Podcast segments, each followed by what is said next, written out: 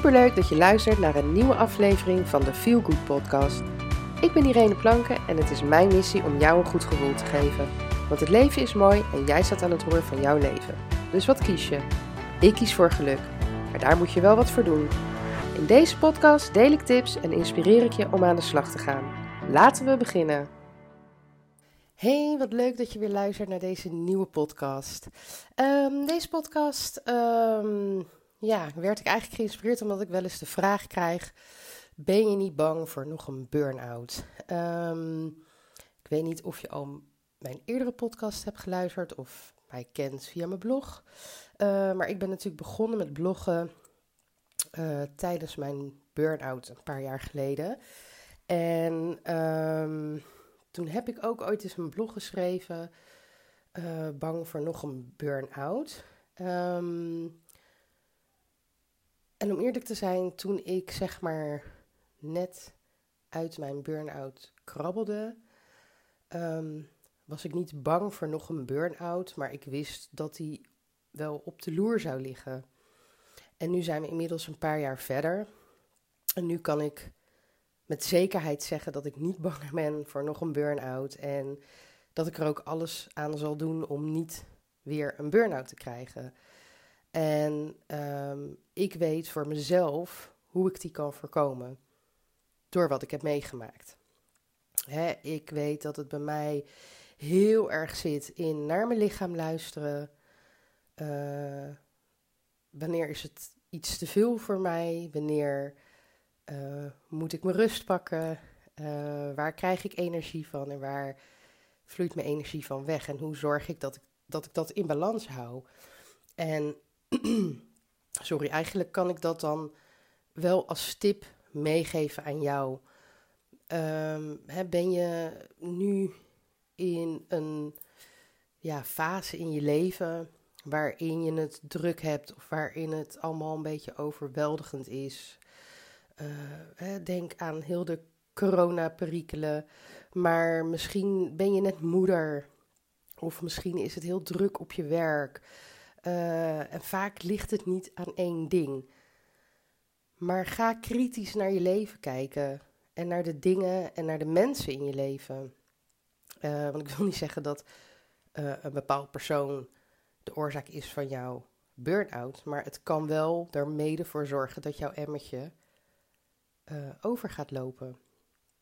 Dus ga kritisch kijken. Hè. Dit is ook iets wat ik in mijn online programma uh, nu duurt mijn online programma nog 12 weken. Ik ben hem aan het uh, veranderen, omdat ik heb gemerkt dat 12 weken voor sommige mensen echt wel lang is en mensen gewoon wat sneller resultaat willen zien.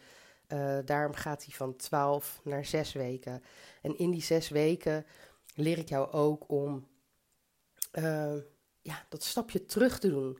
Even als een soort van helikopterview naar je leven te kijken en bepaalde aspecten in je leven te veranderen. Ehm, en dat is jouw buitenwereld. Hè? Dat zijn dingen die je in jouw buitenwereld kan veranderen. Daarbij komt natuurlijk dat je ook dingen in je binnenwereld, in jou, je gedachten en je gevoelens, en dat je daar ook iets mee moet doen. En dat je niet te lang moet rondlopen met bepaalde dingen, maar dat je ja, hulp moet vragen, um, erover praten. Want door over iets te praten, ben je het vaak al een beetje kwijt. Hè? Dan ligt die last niet meer zo op je schouders te drukken. Um, door het op te schrijven. Nou ja, er zijn natuurlijk heel veel manieren waarop je een bepaalde belast die je draagt, uh, ja, wegkrijgt of vrijer daarvan komt, zeg maar. En waar het, uh, waar, maar waar het dus vooral om gaat, is dat die balans er is.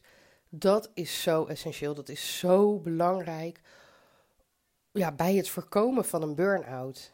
En met balans heb ik het er niet alleen maar over dat je rustmomentjes neemt, maar dat je ook inderdaad kritisch kijkt naar die dingen die dus um, voor spanning tussen haakjes uh, zorgen en voor stress. Want hè, stress is onvermijdelijk. Dat hebben we allemaal in ons leven. In kleine mate, in grote mate. En de een kan daar beter mee dealen dan met de ander. Maar iemand die uh, bijvoorbeeld een hele stressvolle baan heeft, daarbij is het essentieel dat dus de dingen buiten je werk.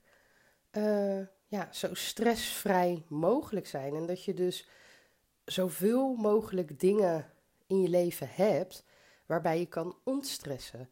En denk dan bijvoorbeeld door aan te gaan sporten, uh, door uh, een boek te lezen, door te gaan wandelen, door, nou ja, weet je, noem het op, maar dingen waar jij van oplaat en waar je weer energie van krijgt. En wat mij tijdens mijn burn-out heeft geholpen, is dat ik ongeveer om de dag en soms iedere dag. Dat is ook een beetje afhankelijk van het weer. Want ik moet zeggen, ik ben over het algemeen wel een mooi weerloper. Dus als het regent, dan heb ik zoiets. Hmm, ik heb het wel gedaan en ik doe het ook.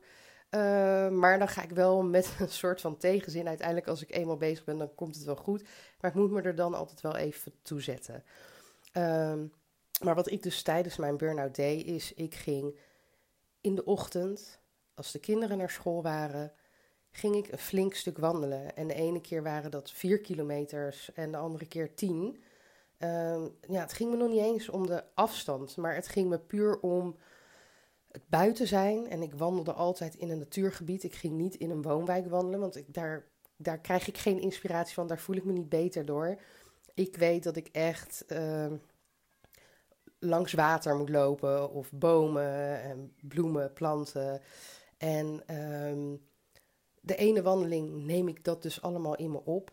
En de andere wandeling luister ik een luisterboek of een podcast of wat dan ook. Of ik bel met iemand, dat kan soms ook gebeuren, want dan moet ik mijn verhaal kwijt en dan ga ik iemand bellen. Um, maar dat is echt één van de dingen naast uh, het sporten en tijd voor mezelf nemen. En inderdaad, ja, mijn leven weer in orde krijgen op de, in de zin van waar, um, waar kan ik dingen verbeteren? Wat kan, ik verbe wat kan ik verbeteren in mijn werk? Wat kan ik verbeteren in mijn privéleven? Wat kan ik verbeteren in mijn sociale contacten? Wat kan ik verbeteren in uh, de hobby's die, ik heb? Nou ja, noem het allemaal maar op. Maar wat kan ik daar doen zodat dat minder stress oplevert?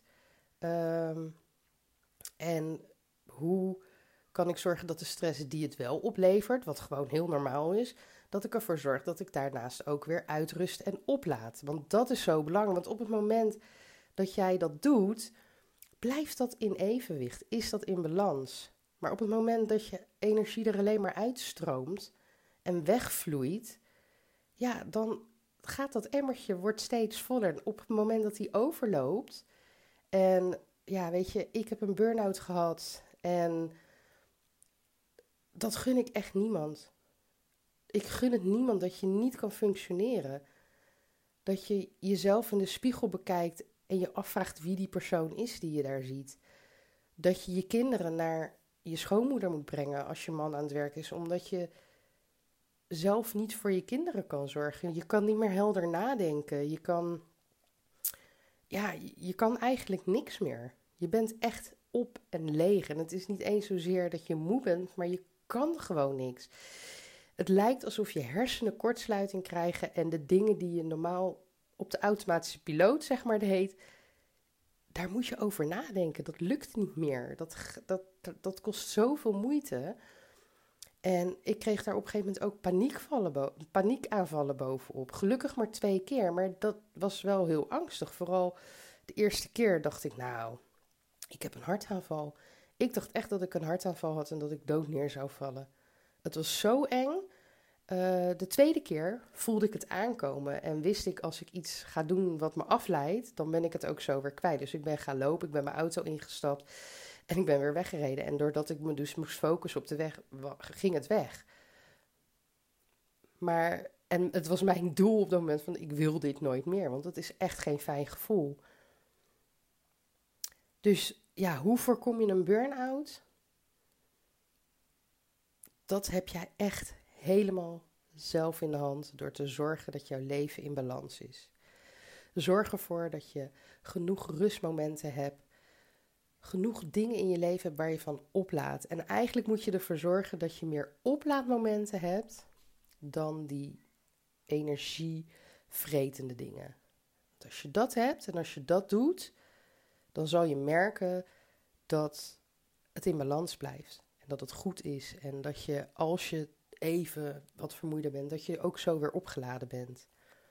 Zorg dus dat die balans, dat dat goed zit. En hoe je dat goed krijgt, is dus door heel kritisch naar je leven te kijken. De dingen die je doet, de mensen die je ontmoet, de mensen waar je mee omgaat. Want ook daar kunnen energielekken zitten. En dat wil ik niet zeggen dat je niet meer met die mensen om moet gaan. Maar hou er rekening mee in je planning. Als jij met iemand afspreekt die heel veel energie ja, uit je zuigt, om het zo maar te zeggen. Het klinkt heel onaardig, maar diegene kan daar uh, niks aan doen en doet dat ook niet bewust. Um, maar als jij weet dat een vriendin of een kennis of wie dan ook, een familielid, dat effect op jou heeft, zorg dan dat je in die week meer oplaadmomenten hebt. Of langere oplaadmomenten, zodat dat inderdaad in balans blijft. En als jij meerdere mensen hebt bij wie dat gebeurt, spreek dan niet met allemaal in dezelfde week af. Weet je, wees kritisch. Geef je grenzen aan. En durf nee te zeggen, want nee is ook een antwoord. En wij weten altijd heel goed in te vullen van ja, hè, want je wil de ander niet teleurstellen. Of uh, je wil uh, niet dat de ander slecht over jou denkt. Maar als iemand iets aan jou vraagt, dan is nee gewoon ook een antwoord. En je hoeft dan niet uit te leggen waarom niet. Nee is gewoon nee. En het hoeft ook geen definitieve nee te zijn. Je kan ook als iemand vraagt iets voor jou te doen, uh, of als iemand vraagt iets uh, te doen voor diegene, of, of jij iets voor diegene wil doen, kan je ook zeggen, nou op dit moment komt het me niet uit, maar ik kan later in de week kan ik dat voor jou doen. Of deze week kan het niet, maar volgende week. Of vandaag kan het niet, maar morgen wel. Je hoeft ook niet meteen ja of nee te zeggen. En je hoeft ook niet meteen een definitieve nee te, te geven. Maar geef wel je grenzen aan. Laat een ander niet over jouw grenzen gaan. En de enige die daar toestemming voor geeft, dat ben jij. Jij bent de enige die aan kan geven wat jouw grens is. Dus doe dat ook. Doe dat ook. En je grenzen aangeven betekent niet dat je niet aardig bent. En betekent niet dat je, hè, dat je niet voor anderen klaar staat. En in het begin, om, als jij een pleaser bent, om het zo maar te zeggen, en altijd maar ja zegt en altijd maar doet wat iedereen van jou vraagt, dan kan dat heel tegennatuurlijk voelen op het moment dat je dat niet meer doet. Ik weet er alles van. Maar ga beginnen en begin met kleine stapjes, zoals met alles en zo vaak zeg ik dit ook. Begin met kleine stapjes en die worden vanzelf groter. Of hè, die kleine stapjes brengen jou ook uiteindelijk naar jouw doel. Kijk naar een kind. Een kind gaat niet van geboren worden en alleen maar een beetje melk drinken en poepen en plassen naar uh, rennen door de kamer. Nee, dat kind gaat eerst leren zitten. Die gaat dan leren kruipen. Die gaat dan staan. En die gaat dan leren lopen. En daarna kunnen ze pas rennen. Dus waarom moet jij iets meteen in sneltreinvaart kunnen? Of moet het meteen perfect zijn? Nee, als jij jarenlang iets op een bepaalde manier doet, dan zit dat in jouw systeem. Dan krijg je dat er niet zomaar uit. Dat heeft tijd nodig. Maar je moet je er wel bewust van zijn en bewust van blijven en daar bewust mee omgaan. Dus zorg dat die balans er is. Zorg dat de energie die wegvloeit ook weer wordt aangevuld. En ik zei het net al even, uh, mijn programma uh, wordt aangepast in zes weken naar meer balans in je leven. Uh, we gaan pas starten na de zomer. maar weet in ieder geval dat mocht je interesse hebben, stuur me gewoon een mailtje naar info.tantetruuskanalles.nl uh, of een DM via Instagram. Um, ik zal er tegen die tijd uh, nog wel een keer eerder over, uh, over beginnen. Maar ik dacht, ja, weet je, deze sluit er zo mooi op aan, deze podcast. Dus ik ga hem wel even benoemen. En mocht je nou gewoon even willen praten, wat ik ook vaker zeg in mijn podcast, neem dan ook contact met me op. Hè, het is geheel gratis en vrijblijvend. Je zit nergens aan vast. Um, maar soms helpt het gewoon om even je verhaal kwijt te kunnen. Dus doe dat ook. Ik bied het je aan, ik doe het met liefde, dus doe het ook. Nou ja, ik ga in ieder geval weer uh, lekker van het zonnetje genieten. Mijn kinderen liggen al in het zwembad. En uh, misschien ga ik toch maar ook een plonsje wagen. Ook al vind ik het water veel te koud, maar het is echt heel erg heet. Ik uh, wens je een hele fijne dag en bedankt voor het luisteren. En tot de volgende keer. Doei doeg! Dankjewel voor het luisteren naar de Feel Good podcast. En heb ik je kunnen inspireren? En heb je een Feel Good gevoel gekregen? Mooi. Maak een screenshot en tag me op Instagram Story, zodat nog meer mensen mijn podcast gaan luisteren. En vergeet natuurlijk niet de podcast te volgen via SoundCloud, Spotify of iTunes, waar je ook luistert, zodat je nooit meer een aflevering mist van deze Feel Good podcast. Tot de volgende keer. Doeg!